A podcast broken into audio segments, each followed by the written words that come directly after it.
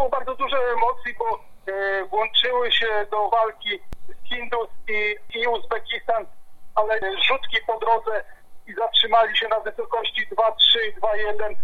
Maciek Lepiato i Edward z Wielkiej Brytanii, stary przeciwnik, do 2-5 wszystko pięknie, bez rzutek. No i na 2-7 zatrzymali się. Jeden i drugi zrobił po trzy rzutki i albo dogrywka, albo dwa złote medale, więc po tylu skokach i e, w takiej temperaturze, jaka tu jest, to wybór e, jedyny słuszny, zwłaszcza, że się przyjaźnią, podali sobie rękę i dwa złote medale. Oprócz tego złotego medalu Maćka Lepiato, wczoraj cieszyliście się ze srebrnego medalu Lecha Stoltmana.